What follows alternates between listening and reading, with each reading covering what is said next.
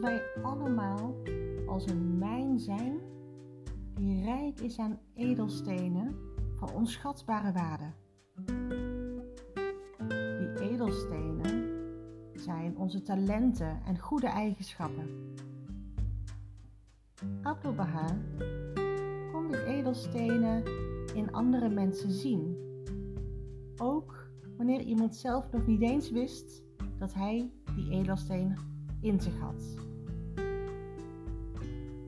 Dit verhaal gaat over Ali Kuli Khan. Ali Kuli Khan was een hele slimme jongen die opgroeide in een hele vooraanstaande rijke Perzische familie. Hij was naar hele goede scholen geweest en had verschillende talen goed leren spreken en lezen. Hij kende natuurlijk zijn eigen taal, het Perzisch, maar ook Engels en Frans waren voor hem niet moeilijk. Toch verloor hij op een gegeven moment het vertrouwen in zichzelf en hij wilde zijn zorgen vergeten. Hij begon een leventje van plezier te leiden. Hij wilde niet meer nadenken over moeilijke dingen. Elke avond had hij wel een feest. Hij had een grote groep vrienden inmiddels en ze wilden helemaal niet over moeilijke dingen nadenken, alleen maar feesten en plezier hebben. Zo ging dat een hele poos door. Totdat de vrienden van Ali ineens Baha'i werden. En zij besloten niet meer mee te doen aan die feesten. Dat was voor Ali een doorn in het oog. Hij wilde zijn vrienden terug hebben. Dus hij besloot mee te gaan naar die bijeenkomsten van de Baha'is. Dan zou hij er wel even voor zorgen dat zijn vrienden weer van gedachten zouden veranderen en hun geloof zouden opgeven. Dan zouden ze tenminste weer terugkomen naar die feesten. Zo ging dat maandenlang door. Maar zijn vrienden, die bleven hun geloof trouw. Toen ging hij ineens echt luisteren naar wat er bij die bijeenkomsten nou eigenlijk gezegd werd. Hij hoorde over de boodschap van de Baab en Bahá'u'lláh en over hun lijden en het lijden dat hun volgelingen werd aangedaan. Daardoor veranderde iets in hem. Hij ontdekte dat de leringen van Bahá'u'lláh de enige redding waren voor zijn land en eigenlijk zelfs voor de hele wereld. En zo werd hij Baha'i. Hij was geweldig blij, maar tegelijk wanhoopte hij ook. Hij verlangde ernaar Bahá'u'lláh te dienen, maar hoe? Alles wat hij tot nu toe in zijn leven had geprobeerd, was nooit echt gelukt. Hoe zou hij nu Bahá'u'lláh kunnen dienen? De Baha'i stelde hem gerust en zeiden dat het vast en zeker zou gaan lukken en dat Bahá'u'lláh hem zou helpen. Kort daarna lieten de Baha'is Ali een foto van Abdu'l-Baha zien. Toen hij die zag, was hij zo diep onder de indruk van zijn edele gelaat dat hij maar één wens over had. Hij wilde naar Akka, naar Abdu'l-Baha. Hij wist dat dat wel gevaarlijk zou worden. Het was in Perzië in die tijd voor Baha'is veel te gevaarlijk om openlijk te zeggen dat zij een pelgrimsreis naar Abdu'l-Baha wilden maken. Het moest dus onopvallend gebeuren. Daarom reisde hij met een gezelschap naar het oosten van Perzië en hoopte zo via India Akka te bereiken. Dat is sowieso al een hele lange reis. Maar nee, het lukte niet. Hij gaf de moed niet op. Hij ging daarna naar het westen van Perzië om het via die kant te proberen.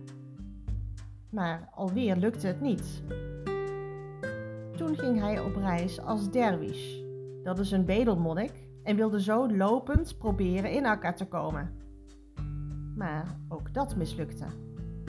En tenslotte belandde hij weer in Teheran en hij was dus weer even ver als waar hij begonnen was. Maar Ali wilde het nog niet opgeven. En op een avond, midden in de winter, toen het sneeuwde en een ijskoude wind door de straten joeg, besloot hij het gewoon opnieuw te proberen. En wel onmiddellijk. Hij nam niet eens de tijd om afscheid van zijn familie en vrienden te nemen. Tien vrienden gingen met hem mee. Het was heel erg koud en er was heel veel sneeuw, maar hij zette gewoon door. Geen inspanning was hem te groot. Hij kwam bij de Russische grens en moest daar zijn vrienden achterlaten, want ze hadden geen paspoort.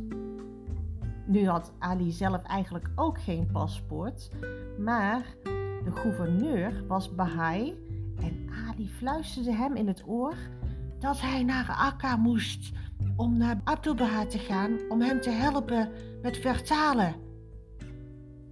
Ali kreeg zo een paspoort en reisde door naar Tiflis, een havenplaats aan de Zwarte Zee, en vandaar kon hij per schip naar Akka. Opnieuw kwam er een tegenslag. Hij moest nog wachten, want eigenlijk had hij nog helemaal geen toestemming gekregen van Abdul Baha om naar Akka te komen. Oh, wat moest hij nou? Zou het nou voor de vierde keer alweer gaan mislukken? Ali had inmiddels alle hoop verloren. Misschien was het helemaal niet Gods wil dat hij naar Abdul Baha zou gaan. Nou goed, over een paar dagen komt er weer een karavaan die terug naar Perzië gaat. Dan neem ik die wel mee terug. Dan ga ik wel terug naar huis, dacht hij. Dus hij begon zich voor te bereiden om weer terug naar huis te gaan. En toen ineens kwam er een brief van Abdul Baha's secretaris. Ali mocht naar Akka komen. Nou, hij was hartstikke blij. Diezelfde avond nog reisde hij door naar het heilige land. Vroeg in de morgen kwam hij aan. Het was nog donker. Toen hij aan land stapte, knielde hij op de grond en kuste de aarde. Hij dankte God dat zijn dierbaarste wens in vervulling was gegaan. Eerst ging hij naar het huis van een van de Baha'is in Haifa. Ze zeiden dat Abdul Baha in Haifa was en toen Ali besefte dat hij nu wel heel dicht bij Abdul Baha was, werd hij ineens heel bang en hij begon te huilen. En hij zei: Hoe, hoe kan zo iemand zoals ik, iemand met zoveel tekortkomingen en fouten, in de tegenwoordigheid zijn van Abdul Baha, in wiens ogen niets verborgen is? Toen hij het huis van Abdul Baha binnenging, beefde hij over zijn hele lichaam. Doek, doek, doek, doek, doek. Zijn hart bonsde hem in de keel. En toen zag hij Abdul Baha voor zich staan. Groot, met een tulband, in zijn kleed, met een donkergrijze baard. Ali zakte in elkaar en viel op de grond. Abdul Baha richtte hem op, sloeg zijn armen om hem heen en kuste hem op beide wangen. Hij liet Ali eerst naar een andere kamer brengen om wat te drinken.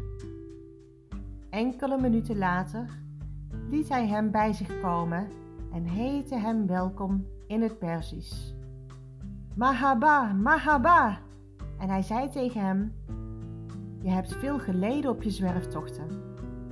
God zij geprezen dat je hier veilig aangekomen bent. Abdu'l-Baha zei hem ook dat Baha'u'llah hem had beloofd dat hij mensen zou sturen die hem zouden helpen het geloof te verspreiden. Het geloof had inmiddels Amerika bereikt en veel mensen in het Westen werden erdoor aangetrokken. Hij zei: Met jouw kennis van het Engels ben jij een van de mensen die Baha'u'llah naar mij gestuurd heeft. Jij bent gekomen om mij te helpen bij de vertaling van zijn heilige geschriften en de vertaling van mijn brieven aan de vrienden in Amerika en elders in het Westen. Abdu'l-Baha pakte een stapel brieven, gaf die aan Ali en zei: Dit zijn de antwoorden die ik enkele Amerikaanse Baha'is geschreven heb. Vertaal ze in het Engels. Ali vouwde de bovenste brief open. Hij schrok. Maar deze brieven waren in het Arabisch. Maar mijn meester, riep hij, deze brieven, die. Ik, ik, ik durf het bijna niet te zeggen, maar ze zijn niet in het Perzisch, maar in het Arabisch. Ik heb Europese talen gestudeerd en ik spreek Perzisch, maar geen Arabisch. Wat denk je dat Abdul Baha zei? Zou hij hebben gezegd: Oké, prima, dan vraag ik wel iemand anders. Nee, dat deed hij niet. Nog nooit had iemand Ali zo liefdevol aangekeken. De meester glimlachte naar hem. Hij liep naar tafel, nam twee handen vol met suikerklontjes en zei Ali zijn beide handen op te houden. Toen zei heel plechtig en op een hele bijzondere manier: Eet deze klontjes op. Wees ervan verzekerd dat de gezegende schoonheid jou in staat zal stellen uit het Arabisch in het Engels te vertalen. Vertrouw erop dat je in de toekomst zult worden geholpen om gemakkelijker uit het Arabisch dan uit het Perzisch te vertalen. Daarna wees Abdu'l hem zijn kamer met een bed aan. Hij zei tegen Ali dat hij dat bed zelf niet langer nodig had en dat het nu dus voor hem was. Vanaf nu is dit jouw bed. Slaap erin. Nu moet je weten dat Ali inmiddels al twee jaar lang niet meer in een bed geslapen had. Hij had met zichzelf afgesproken dat hij pas weer in een bed zou slapen als hij het doel van zijn reis had bereikt, namelijk Abdul Baha. Al die tijd had hij op de grond geslapen, zelfs als hem een bed werd aangeboden. En nu, nu hij het doel van zijn reis bereikt had, nu mocht hij slapen in een bed, en niet zomaar een bed, het bed van Abdul Baha. Hij durfde het gewoon niet. En dus ging hij, zoals hij gewend was, maar weer op de vloer liggen slapen.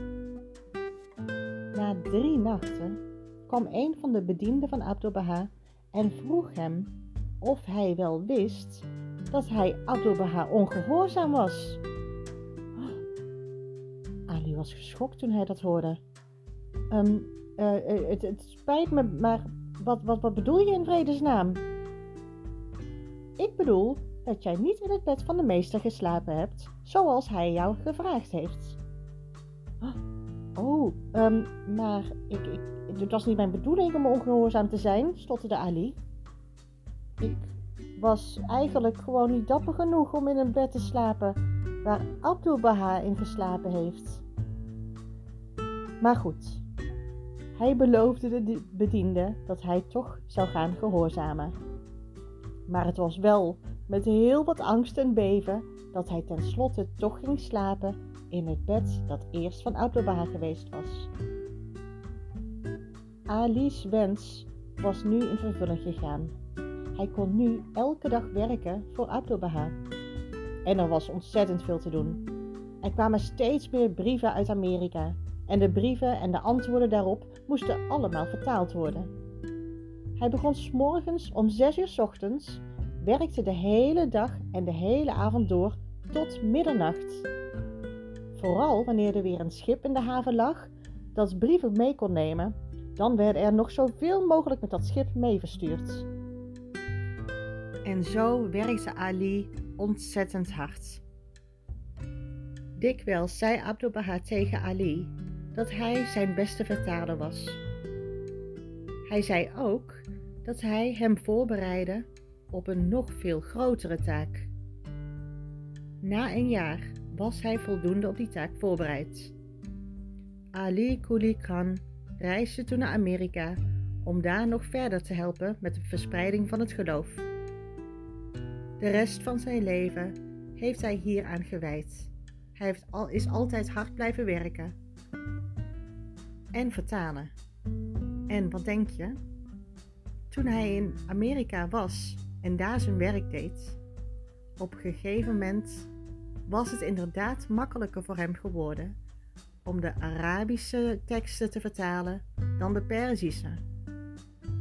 Abdul Baha had dat al die jaren geleden al voorspeld. En nu was dat dus uitgekomen.